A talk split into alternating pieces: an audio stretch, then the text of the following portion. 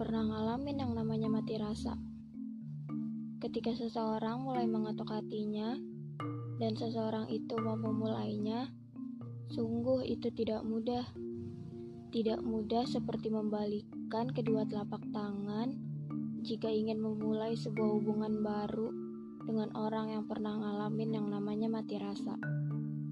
Karena di dalam pikiran orang itu, yang dipikirin cuma dia beneran mau mulai nggak sih? Apa dia cuma ingin singgah sesaat kemudian pergi lagi? Apa hanya karena ada rasa penasaran saja makanya dia mendekat? Kalian tahu nggak sih mati rasa itu apa? Kalau kalian pernah ngalamin itu, berarti kalian tahu dong. Oke, okay. Di sini saya mau ngejelasin apa itu mati rasa.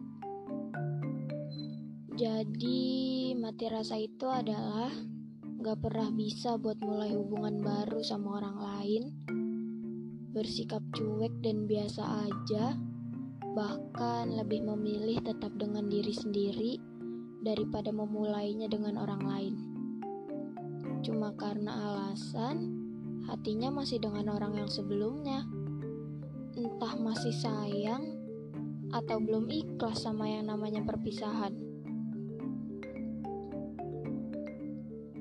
Kalau kalian sedang menghadapi hal itu, kalian memang harus selalu sabar, karena gak mungkin dengan mudahnya bisa memulai sebuah hubungan baru dengan orang yang pernah ngalamin yang namanya mati rasa.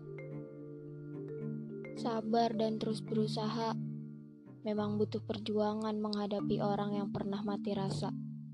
Dan jangan lupa, yakinkan pada orang itu kalau kalian memang benar-benar tulus, bukan hanya sekedar singgah. Percaya deh, rencana semesta indah kok. Kalau emang jodoh, pasti bisa.